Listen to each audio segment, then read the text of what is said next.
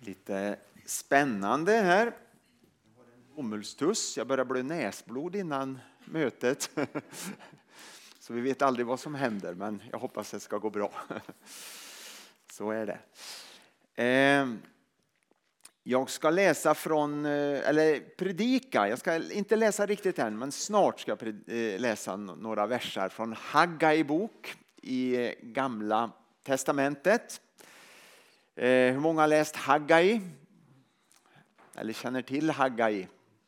Kanske bättre, det känns lättare kanske att säga så. Läst då får man kanske dåligt samvete om man inte har gjort. Eh, det är ju en liten eh, profet, alltså inte liten på det viset att budskapet är litet utan det är inte så långt. Det är en väldigt kort bok. Den kortaste boken i Gamla Testamentet, är det någon som vet vad det är förresten? Vilken är den kortaste boken i Gamla Testamentet? Också en profet, vad sa du? Nej, jag tänker Gamla Testamentet. Du har rätt. Du har nog rätt i, det är nog ungefär lika, fast då är det Nya Testamentet också. Judas brev sa Inga-Lill här och det stämmer ju på ett vis. Men jag tänker bara gamla då. Vad sa du? Mika? Nej. Eh, nej. ja. Obadja. Obadja. Den kanske ni har läst någon gång. Jag vet inte. Det fanns när jag var i min gröna ungdom, då minns jag det fanns en kristen rockgrupp som hette Obadja. Jag har aldrig lyssnat på dem, men jag vet bara att de fanns. Jag såg på någon lista. Obadja. Mm. Okej, okay. vi är ju inför ett nytt år och det är ju ingen som har undgått det. Och när det är nytt år så brukar man ju ge nyårslöften. Jag vet inte om du har gett några nyårslöften. Jag brukar nog inte göra det. Jag kanske har gjort någon gång i mitt liv men eh, det är inte vanligt. Är det någon som har gett nyårslöften? Kanske någon. Eh, jag läste några sådana här eh, tankar om just nyårslöften och då var det någon som skrev om att det fanns nyårslöften som var lätta att hålla. De, ofta är de ju lite svårare än utmaning, men de här är väldigt enkla. Och Det var fyra stycken här, det finns säkert många fler man skulle kunna lägga till. Men sluta slösa med tid på att motionera. Det var en. Ett. Det var ganska enkelt. Jag vill öka i vikt med minst 15 kilo var det ett. Mm. Läsa mindre var det någon som hade lovat. Och skjuta upp mera till morgondagen det var ju några ganska enkla nyårslöften. Eh, sen var det några som var lite svåra men där ambitionsnivån sänktes eh, för varje år. Ibland har man ju väldigt höga ambitioner och man har höga målsättningar och så här, man vill göra någonting. Men det här med vikt, det vet ni att det är eh, någonting som man, eller att vårda kroppen, det är någonting man ofta tänker på inför det nya året. Då var det någon som talade om det att inför 2020 eller för 2019, då hade den här personen lovat att jag ska gå ner i vikt under 85 kilo. Året efter, då hade inte det funkat riktigt bra så då ändrade målsättningen lite. Jag sänkte ribban. Jag ska räkna kalorier till min vikt under 98 kilo. Men sen funkar inte det heller. Då kom nästa, nästa år, 2021. Jag ska följa min nya diet tills jag är under 109 kilo. Men inför 22 då hade inte det funkat heller. Då sänktes ribban betydligt. Jag ska gå på gym en gång i veckan. Och så inför 2023 jag ska gå förbi ett gym minst en gång i veckan. Och inför 2024 jag ska ägna gymmet en tanke en gång i veckan i alla fall. Så, så kan det vara. Det var lite överdrivet kanske. Men eh, så kan det bli. Profeten Haggai då, eller Haggai, det beror på lite vilken bibelöversättning man har. Temat är att bygga Guds tempel. Och eh, jag skulle vilja översätta det till kanske nutid då, att bygga Guds rike, till, i, som det handlar om i nya förbundet. Det är ju gamla förbundet, att bygga Guds rike. En kallelse och ett uppdrag vi har fått som kristna och som församlingar. Namnet Haggai betyder, betyder festlig eller mina högtider. Namn i, i Bibeln så här har ju en betydelse alltid. Jag vet inte om det säger så mycket men, men på något vis är det någonting positivt i alla fall. Tänk att ha ett namn som är festlig eller mina högtider, att det betyder det. Eh, och jag nämnde om det att Haggai är ju en eh, kort bok. Det är två, indelat i två kapitel här. Och eh, det är ingen sån där bok som är så där jättekänd. Jag nämnde Obadja för också. Det finns flera av de här profeterna som inte är så kända. Det görs inga storfilmer om de här. Mose har vi ju Exodus och jättemånga filmer om Mose till exempel. Eller, och det är ju från eh, eh, Moseböckerna där. Och sen har vi ju eh, Noa till exempel har gjort en ganska stor film om också. Många andra, men inte om från Haggai vad jag känner till i alla fall. Det kanske finns någon någonstans man kan hitta, men det är inga sådana kända bibelsammanhang egentligen. Men innehåller så oerhört mycket spännande och intressant. Och Det handlar om rätt fokus och rätt prioriteringar. Och man kan säga att grundbudskapet i Haggai bok är att fatta mod. Fatta mod. Budskap till Israels folk. Framåt. Gå framåt. Och sen handlar det också om att, och det är det jag ska punktera här, att leva i nuet samtidigt som man har ett perspektiv bakåt. Men också det här med se framtiden an på samma gång. Det är budskapet i Haggai bok. Och det är ett budskap som ståthållaren Serubabel, han var jude, som hade återvänt till Israels land efter fångenskapen i Babylonien. Han hade fått uppdraget att leda återuppbyggnaden av templet. Templet hade ju, hade ju förstörts av babylonierna tidigare. Och nu fick Israels folk börja komma tillbaks. Nu hade regimen bytts ut i Babylonien. Det var perserna som var den stora eh, världsherraväldet nu. Det var inte längre Babylonien. Och det här är ju gamla det här är ju väldigt aktuellt idag också. Jag tänker Irak och Iran. Babylonien kan man ju säga att det är Irak om man förenklar det lite kanske. Men, och Iran det är, det är ju Persien. Då. Och eh, judarna återvände och de hade uppdrag att bygga upp templet. Och man påbörjade eh, reno, eh, eller uppbyggnadsarbetet men sen blev det ett uppehåll. Man, man liksom gav upp av olika orsaker eller väntade med att fortsätta arbetet. Och det gick 16 år och det kan man läsa om i böcker tidigare i Bibeln. I Esra i bok och Nehemja bok talar om det här. Men nu är vi lite, lite, lite längre framåt i tiden, inte mycket. Men här är alltså gått 16 år och Israels folk har inte jobbat på att bygga upp templet. Man hade börjat ett arbete men man hade stannat av.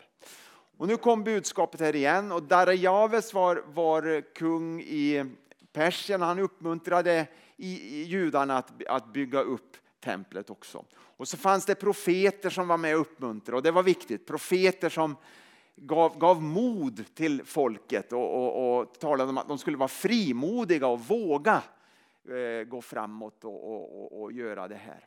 Och det var Haggai var en av de här profeterna. Och då var det Serubabel, den här ståthållaren, ledaren, politisk ledare, som faktiskt också är eh, en Eh, Eh, med släkttavlan, i Jesus släkttavla. Det är intressant för här kommer det också in mycket om framtiden och Serubabel får speciella löften här. Och det förstår ju vi som kristna att det handlar om Jesus som ska komma i framtiden. Så Serubabel är mycket en förebild på Jesus här också, den här ledaren. Och han finns med i Jesus släkttavla. Du kan läsa i Matteus så står Serubabel med där i släkttavlan. Sen var det en överstepräst som hette Josua också. Inte den Josua som har en egen bok tidigare i Bibeln, men en annan Josua.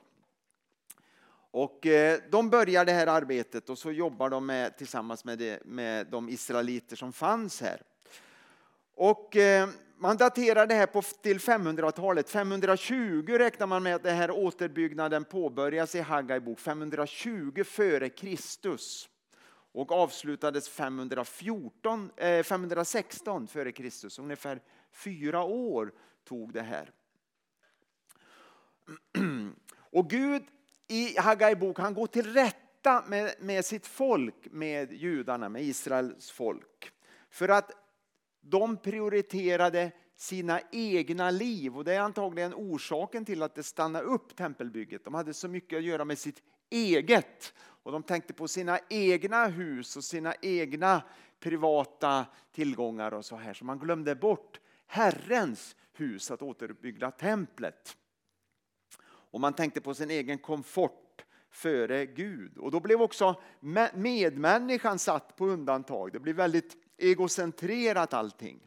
Och det är därför som eh, Herren går till, till rätta med Israels folk i Hagga i bok och menar att de, hade, de, de har ju förlorat välsignelsen som de hade tidigare. De, de sår men de skördar väldigt dåligt. Och penningpungen den har stora hål står det bland annat, eh, talar profeten Haggai om här. De, de får inte behålla någonting. Varför? Jo, därför de har prioriterat fel i livet. Man har inte prioriterat Herren och Guds rike utan man har prioriterat sitt eget. Och Det här är ett budskap till oss idag också en, en väckarklocka. Det är riktigt väckelsebudskap här. Och så står det så här i första kapitlet 12 till 14. Vi ska se om vi får upp det här på skärmen. Haggai bok, första kapitlet 12 till 14 så står det så här. Serubabel, där har vi han som var Jesus släkttavla. Sealtiels son och översteprästen Josua, Josadaks son. Men hela kvarlevarna folket lyssnade till Herrens, sin Guds röst och till profeten Haggais ord eftersom Herren, deras Gud, hade sänt honom och, och folket fruktade Herren. Det fanns en fruktan för Gud där. Vi fortsätter. Då sa Haggai, Herrens sändebud, genom ett budskap från Herren till folket. Jag är med er, säger Herren. Och Herren uppväckte en iver hos Zerubabel, Sealtiels son, ståthållare i Juda och hos översteprästen Josua, Josadaks son och, hel, och hos hela kvarlevarna folket så att det började arbeta på Herren Sebot, sin Guds hus. Här kan vi tala om en väckelse verkligen. Guds ande väckte liksom en iver hos folket att börja det här arbetet. Man lyssnade på profeten, man lyssnade på vad Herren sa och det skapade en fruktan hos folket. En respekt för att det Gud hade talat och så blev man ivrig. Nu sätter vi igång här. Och så var profeterna där och hejade på och stötta och gav mod och uppmuntran. Tre punkter. Dåtid först. Och då läser vi från andra kapitlet, vers 5 och 6. Att se tillbaka, dåtid. Haggai 2, 5 och 6 står det så här. Men var nu frimodig du Serubabel, säger Herren. Var frimodig du överstepräst Josua, Josadaks son. Var frimodiga alla ni människor i landet, säger Herren. Arbeta Ty jag är med er, säger Herren Sebaot. Detta löfte gav jag er när ni drog ut ur Egypten och min ande är mitt ibland er. Frukta inte. Det här löftet gav jag er när ni drog ut ur Egypten. Alltså, se tillbaka. Det var hundratals år tillbaka. Så fick man, kunde man se och då, då, att påminna sig vad Gud hade lovat. Och Gud kommer alltid att fullfölja det han lovat. Det är lätt att glömma. Vi människor glömmer väldigt fort och vi lovar hit och dit. Jag vet inte om du ger löften ibland till andra och det, ibland kan det vara svårt att hålla. Många gånger kanske vi håller det. Det är lite olika hur vi är som människor också. Men vi missar många gånger sånt vi har lovat och, sagt. Och jag, jag vet själv att jag, jag gör det nu och då. Men Gud glömmer aldrig vad han har lovat. Aldrig. Han håller alltid till 100 procent sina löften. Han är trofast, säger ju Bibeln. Och jag vet att vi alla här har erfarenhet av det också i våra liv. Att Gud är trofast, han håller alltid vad han har lovat, han håller sina löften. Och det, därför är det viktigt att nu och då tänka tillbaks och, och, och, reflektera en del. Vad, vad har Gud gjort i mitt liv? Vad har Gud gjort i församlingen? Vad har Gud gjort i sammanhang där jag funnits med? Och påminnas om det så blir man stärkt i tron. Jag tror vi behöver det. Samtidigt finns det naturligtvis villkor för att Gud ska infria sina löften. Och Det ser vi också när vi läser i Bibeln. Och Det är att leva efter Guds bud. Israels folk blev påminna om det gång på gång, att hur viktigt det var att följa Guds bud, att lyda Guds lagar och det han har sagt. Så det är viktigt att påminna sig om vad Gud har sagt. Och Israels folk de byggde, byggde ju regelbundet altaren och min, satte upp minnesmärken och sådär. Vi kanske tycker det är lite konstigt, varför gjorde de det? Jo, det var därför att de inte skulle glömma vad Gud hade gjort. Och kanske på en plats som Gud hade uppenbarat sig, det finns ju flera exempel på det, då reste man någon, någon eh, stenar eller ett altare så här och offrade åt Herren. För att inte glömma att Gud hade, vad Gud hade gjort och att han uppenbarade sig där. Vi måste ha perspektiv bakåt vi också, som Guds folk idag, som kristna. Vi varnar ju ofta för historielöshet och det kan få väldigt allvarliga konsekvenser. Eh, det finns ett ord som heter nostalgi, ni känner igen det. Ni kanske hörde på Thomas Sjödins vinterprat. Många lyssnar på det här. På. Det var många tror jag. Nästan alla skulle jag tro har lyssnat på det. Men det var ett väldigt fint program. Och han har en förmåga att nå ut till människor utanför kyrkans väggar som få. Och det, det, är ju en väldig välsignelse. Och han nämnde en del om det här med minnen och, och det gamla och just även med nostalgi faktiskt. Och eh, det, de positiva bitarna med det. Och jag vet inte om du blir nostalgisk ibland, jag blir det ofta. Man ser någonting, man, man kan se en tv-program, man kan eh, läsa någonting, man kan eh, ta fram någon sak, titta i något fotoalbum, man blir nostalgisk och man kan också resa till någon plats. Jag vet till exempel i Dalarna där jag kommer ifrån, när jag är hemma där så kan jag bli nostalgisk om man ser något hus eller något, någon plats som man minns, där lekte jag som barn och där gjorde jag det och det och, och sådär. Och eh, många gånger kan det vara väldigt fint att, att, att eh, tänka tillbaka till det. Jag tror vi behöver det som människor för att orka vidare. Men sen finns det naturligtvis en fara att man kan fastna i nostalgin, att man liksom bara lever i det som har varit. Det var ju faktiskt så att på 1600-1700-talet rankades nostalgi som en sjukdom. Det var faktiskt så. Eh, det låter konstigt, men det var för att folk blev liksom paralyserade. Man drömde sig bort och så fungerade man inte riktigt i, i, eh, i vardagen. Det var alltså när det var extremt. Eh, och så kan det ju bli att man, man fastnar i det gamla och bara lever i det. Jag minns det var en, en gammal farbror, ingen av er vet eh, vem han är så att jag, jag eh, han, han, finns inte i, i, i, sammanhanget här i Lugnås men jag lärde känna för många, många år sedan. Han lever inte längre idag men han hade varit med om en väldigt eh, dramatisk omvändelse när han var eh, medelåldern skulle jag tänka att han var när han blev frälst. Han hade missbruksproblem och sådär. Hade familj Sen, eh, och eh, även, jag tror även under missbruksproblemet. Men han fick möta Jesus och blev drastiskt förvandlad. Men jag, när jag besökte honom och pratade med honom så han levde i det där gamla. Han, han, man, han pratade väldigt mycket och bad man honom berätta om någonting som han hade varit med om. Då berättade han om sin frälsning och det han hade varit med om där. Och det var fantastiskt att höra. Men det blev samma berättelse varje gång. Och han, han var ganska negativ till eh, ja, församling och, och hur det var idag. Han kunde liksom inte se så mycket positivt. Utan det var bara då det fantastiska. Och, och även han fick vara med och vittna på lite sammanhang och, och, och sådär. Någon konferens han var med på, så han pratade väldigt, väldigt mycket om det. Men jag upplevde väldigt starkt att han hade fastnat i det gamla. Han hade inte gått vidare. Och, eh, han var ju Guds barn och, och, och så vidare och, och, det var fantastiskt hans berättelse. Men, men man behöver gå vidare och leva här och nu men också framåt. Det är, det är väldigt, väldigt viktigt. Så vi får inte eh, fastna i det gamla men samtidigt inte kapa det förflutna. Vi behöver också lära oss av historien. Och Det är inte fel ibland att drömma sig bort det tror jag vi behöver ibland för vi är bara människor och det med nostalgi kan vara positivt ibland också. Eh, men vi får inte fastna i det och inte, får inte paralysera oss. Så dåtid är viktigt. Nutid tar också Haggai upp. Och vi läste där att min ande finns hos er. Var inte rädda. Och så sa Haggai också fatta mod. Det var i femte och sjätte verserna som vi läste där. Min ande finns hos er. Fatta mod.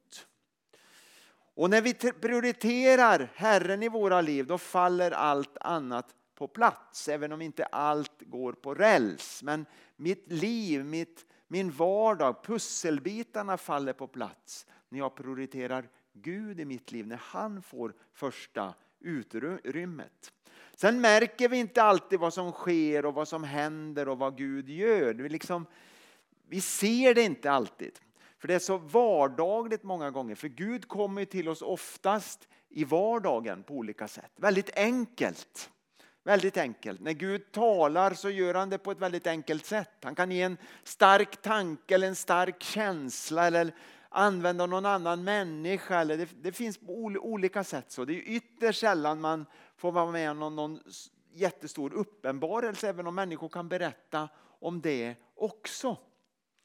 Man brukar ju prata om det med eldskrift på väggen och sådär. Och, och eh, visst kan det hända men jag tror det är ytterst sällsynt. Jag har aldrig varit med om det och jag tror de flesta av er inte varit med om det heller.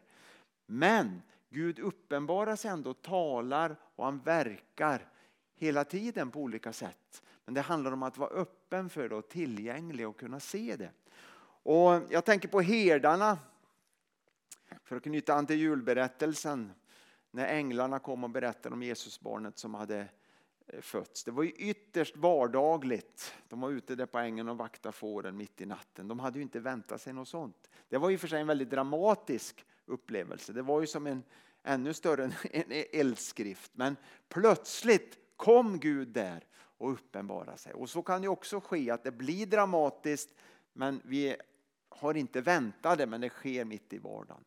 En annan som fick uppleva detta var Jakob. Jag tänker på i första Moseboken 28 och 16 när han drömde, han var på väg till sin, flydde sin, sin eh, bror Esau, tvillingbror Esau och var på väg till morbror Laban. Jag tror de flesta av er känner igen berättelsen. Och han drömde på natten. Vad drömde han för någonting? Och han drömde om en stege som gick upp till himlen. Så var det Herren längst upp och så gick änglarna upp och ner på den här stegen. Och så utbrister han när han vaknar att, att Herren är på denna plats och jag visste det inte. Herren är på denna plats och jag visste det inte. Så det var en väldigt stor överraskning för honom. Och sen gav han namnet, platsen ett namn, Betel. Och det betyder ju Guds hus, Betel. Fick det heta. Så Gud han uppenbarar sig i vardagen för oss på olika sätt. Oftast är det väldigt odramatiskt men ibland kan det vara sådär dramatiskt också. Gud kallar oss till att lära, som jag sa innan, av det som skett tidigare i historien för att kunna prioritera våra liv rätt här och nu och så kunna gå vidare med Herren framåt. Så det som har hänt i historien hjälper oss att prioritera rätt här och nu så att vi kan gå vidare framåt. Vi lever i en svår tid och det är väldigt mycket som är distraherande. Det tror jag ni håller med om. Det är mycket som distraherar oss.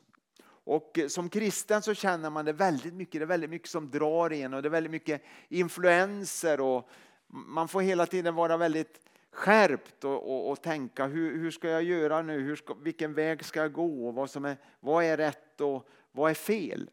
Men för att undvika fallgropar och dikeskörningar så handlar det om att sätta Herren på första plats i mitt liv. Att Jesus får vara nummer ett i mitt hjärta och mitt liv. Då tror jag det finns stora möjligheter att kunna, eh, kunna följa vägen rakt fram och undvika de här dikeskörningarna. Men det är mycket som drar en och sliter en. Och varje dag är en kamp. Eh, det är inte så svårt att få människor intresserade av kristen tro idag. Det är ganska enkelt faktiskt. Eh, många människor är väldigt andligt intresserade och så här. Och eh, många är också intresserade av, av kyrkan och sådär fast man inte vet så mycket. Så det är inte den stora svårigheten att få människor, inte, inte ens att, att be för människor, att människor öppnar sitt hjärta för Jesus och så här. Men Det svåra idag är att, att eh, människor stannar kvar i tron.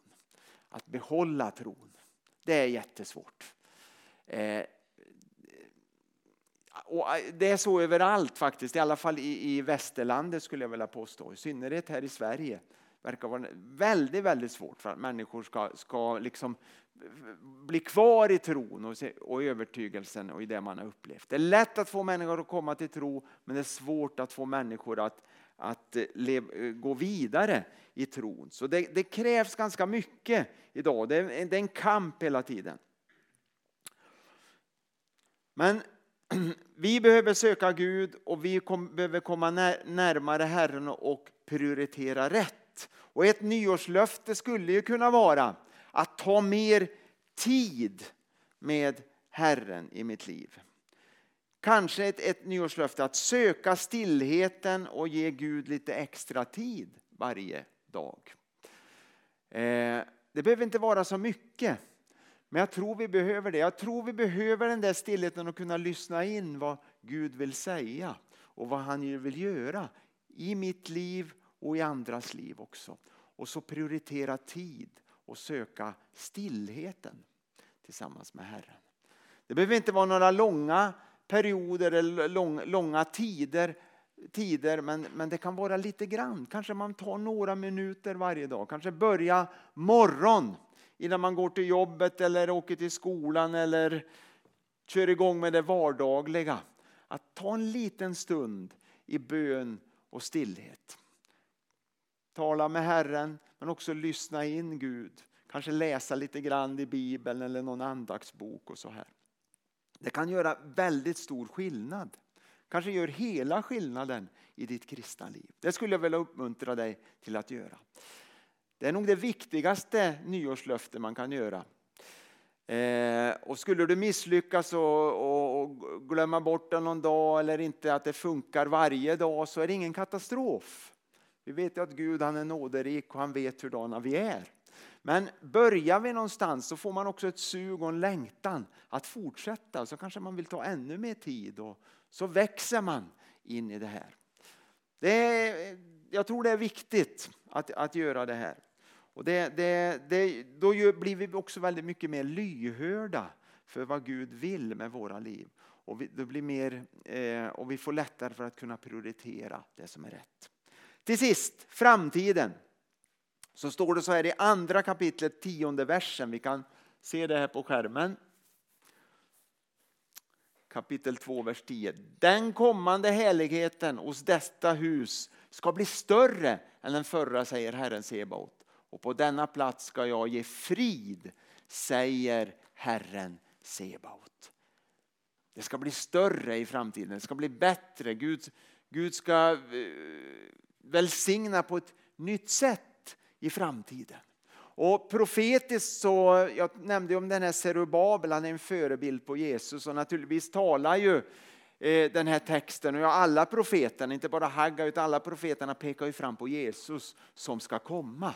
Och det är den stora välsignelsen på gamla testamentets tid. Det var ju det man såg fram emot på ett alldeles speciellt sätt. Och det var ju liksom framtiden. Men det är ju för oss också, precis som eh, Sven-Evert bad här i början på mötet, att Jesus ska komma tillbaks. Han kommer tillbaks och han ska upprätta sitt rike. Det är ju det stora som ska hända framåt. Och Det är viktigt att vi har det framtidsperspektivet också. Härligheten hos detta hus ska bli större än det förut var. Det bästa ligger framför.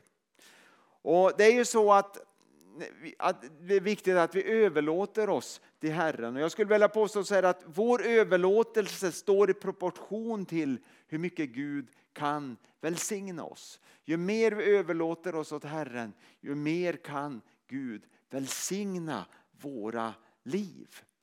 Men vi är helt beroende naturligtvis av Guds nåd. Men Gud vill välsigna, han vill göra stora saker i vårt liv. Men det handlar om vilket utrymme han får i mitt liv. Och det viktiga är inte att man lever ett långt liv, det är inte det viktiga, utan ett liv tillsammans med Gud. Det är det det handlar om. Blir mitt liv långt eller kort, det är underordnad betydelse. Det ser vi i Bibeln också. En del människor levde länge och en del kort. Jesus var ju bara 33 år egentligen när han dog. Men är det någon som har eh, fått ut så mycket av livet här på jorden som Jesus? Det, det finns ju ingen. Johannes döparen var ju bara i den åldern också när han blev avrättad, bara för att ta ett par exempel. Så det är inte ett långt liv det handlar om, men det handlar om ett innehållsrikt liv tillsammans med Herren. Jag läser en andaktsbok. Eh, Oswald Campbell heter han. Eh, dammat av den, jag har haft den liggande eh, flera år. Jag, jag läste den tidigare. Jag vet inte om jag läst hela, för det är en kort betraktelse och ett bibelord för varje dag. Men jag har läst i den en hel del för många, många år sedan. Men nu dammar jag av den igen. Och den, om man kan använda uttrycket, det är en kärv bok. Eh, det, det, skriker i den kötsliga naturen när man läser den. Var, varje dag faktiskt är väldigt kärvt så. Men ett, ett väldigt befriande budskap.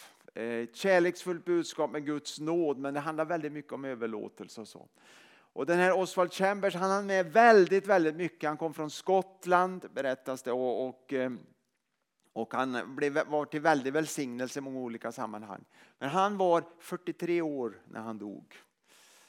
Och alltså 20 år yngre än jag själv är. Eh, och jag brukar tänka på det när jag läser det. Tänk vilken vishet och tänk vilken erfarenhet och tänk vilket liv tillsammans med Herren han hade och hur mycket han fick uträttat. Och så är det ju, när vi överlåter oss åt Herren då får vi uträttat väldigt mycket också i Guds rike. Det handlar inte om massa aktiviteter i första hand. Det kan ju vara det för vissa människor naturligtvis. Men i Guds rike är det ju annat som räknas. Det syns ju inte allt och märks ju inte allt som man gör för Herren. Men du kan få en oerhörd betydelse. När du överlåter det till Herren kan du få bli till en oerhört stor välsignelse. Inte bara för dig själv utan också för din familj, men också människorna runt omkring, din församling, hela bygden, ja till och med eh, hela landet och hela världen kan du få vara med och påverka. För det ser man nu tillbaks i historien att människor som har överlåtit sig helt till Gud, enskilda människor också, har fått vara till sån stor välsignelse i olika sammanhang. Jag skulle kunna dra många exempel men det ska jag inte göra nu för det hinner vi inte. Men det finns så oerhört mycket Gud kan göra genom en människa som överlåter sig och bestämmer sig att jag vill ge mitt liv helt till Jesus. Jag vill prioritera rätt i mitt liv. Det är inte mitt hus, nu talar jag bildligt, talar jag inte alltså, som Haggai talar om, alltså mitt eget, utan det är Herrens hus som är nummer ett. Alltså det är inte mitt eget liv utan det är vad Gud har tänkt med mitt liv det handlar om. Och det får vi säga ja till. Och det är vad Haggai bok handlar om. Så vi ska lära av dåtiden, det som har varit. Vi ska leva här och nu, Guds ande är mitt ibland oss. Och vi ska sätta igång med, med verket och vi ska bygga Guds hus, bygga Guds rike här och nu. Och Gud välsignar oss när vi gör det. Och så får vi också se framåt och också ha en förväntan. Det kommer inte bli sämre för den som tjänar Herren och den som älskar Gud utan det kommer att bli bättre. Omständigheterna kanske blir tuffa, det vet vi inte. Vi lever i svåra tider. Men överlåter du ditt liv till Herren då kommer ditt liv att bli välsignat. Det kommer att vara välsignat nu men också vara välsignat i framtiden. Och det bästa ligger framåt. Ska vi be tillsammans. Herre, tack för den här stunden då vi får samlas till årshögtid. Tack för vad vi får lära av, av ditt ord, Herre. Tack för profeten Haggai, tack för andra texter och tack för andra eh, profeter och eh, både i gamla testamentet och budskap i nya testamentet, undervisning, Herre. Tack att vi får ta till oss det och tack att vi får prioritera det i våra liv, Herre. Åh Herre, vi ber om det Gud. Hjälp oss att prioritera rätt i, i vardagen. Vi ber om det Gud. Att det är inte vårt eget först utan det, det är ditt rike det handlar om först och främst Herre. Att vi får överlåta oss till dig, att vi får vara dina tjänare. Det du har placerat oss, det du har satt oss Herre. I olika sammanhang. Kanske det inte är andra som människor som märker det eller ser det. Men du ser och du vet Herre. Vi tackar dig för det Gud och tack att du vill välsigna oss var och en Herre. Och tack att du vill fylla oss med glädje. Tack att du vill fylla oss med mod Herre. Och tack att vi får lära av det som har varit. Tack att vi får se bakåt och se vad du har gjort i våra liv. Och tack att vi får ta det till oss och att det får inspirera oss att gå framåt Herre. Vi tackar dig för det Gud. Tack att du vill välsigna församlingen här i Lugnås. Tack att du känner var och en Herre. Tack att du vet våra, våra livssituation Herre. Och du vill välsigna våra familjer också. Du ser barn och barnbarn till vänner här som finns med idag. Tack att du välsignar dem var och en och tack att du möter med dem och deras familjer Herre. Vi tackar dig också för dem som har gått före Herre, de vi tänker på som exempel och föredömen Herre. Som har byggt upp arbetet här, församlingen här och som, som har prioriterat dig i sina liv Herre. Vi tackar dig för dem Herre och tack att de ska få vara inspirationskällor för oss också. Vi prisar dig för det. Tack att du är med nu när vi ska fira din måltid också. I Jesu namn. Amen.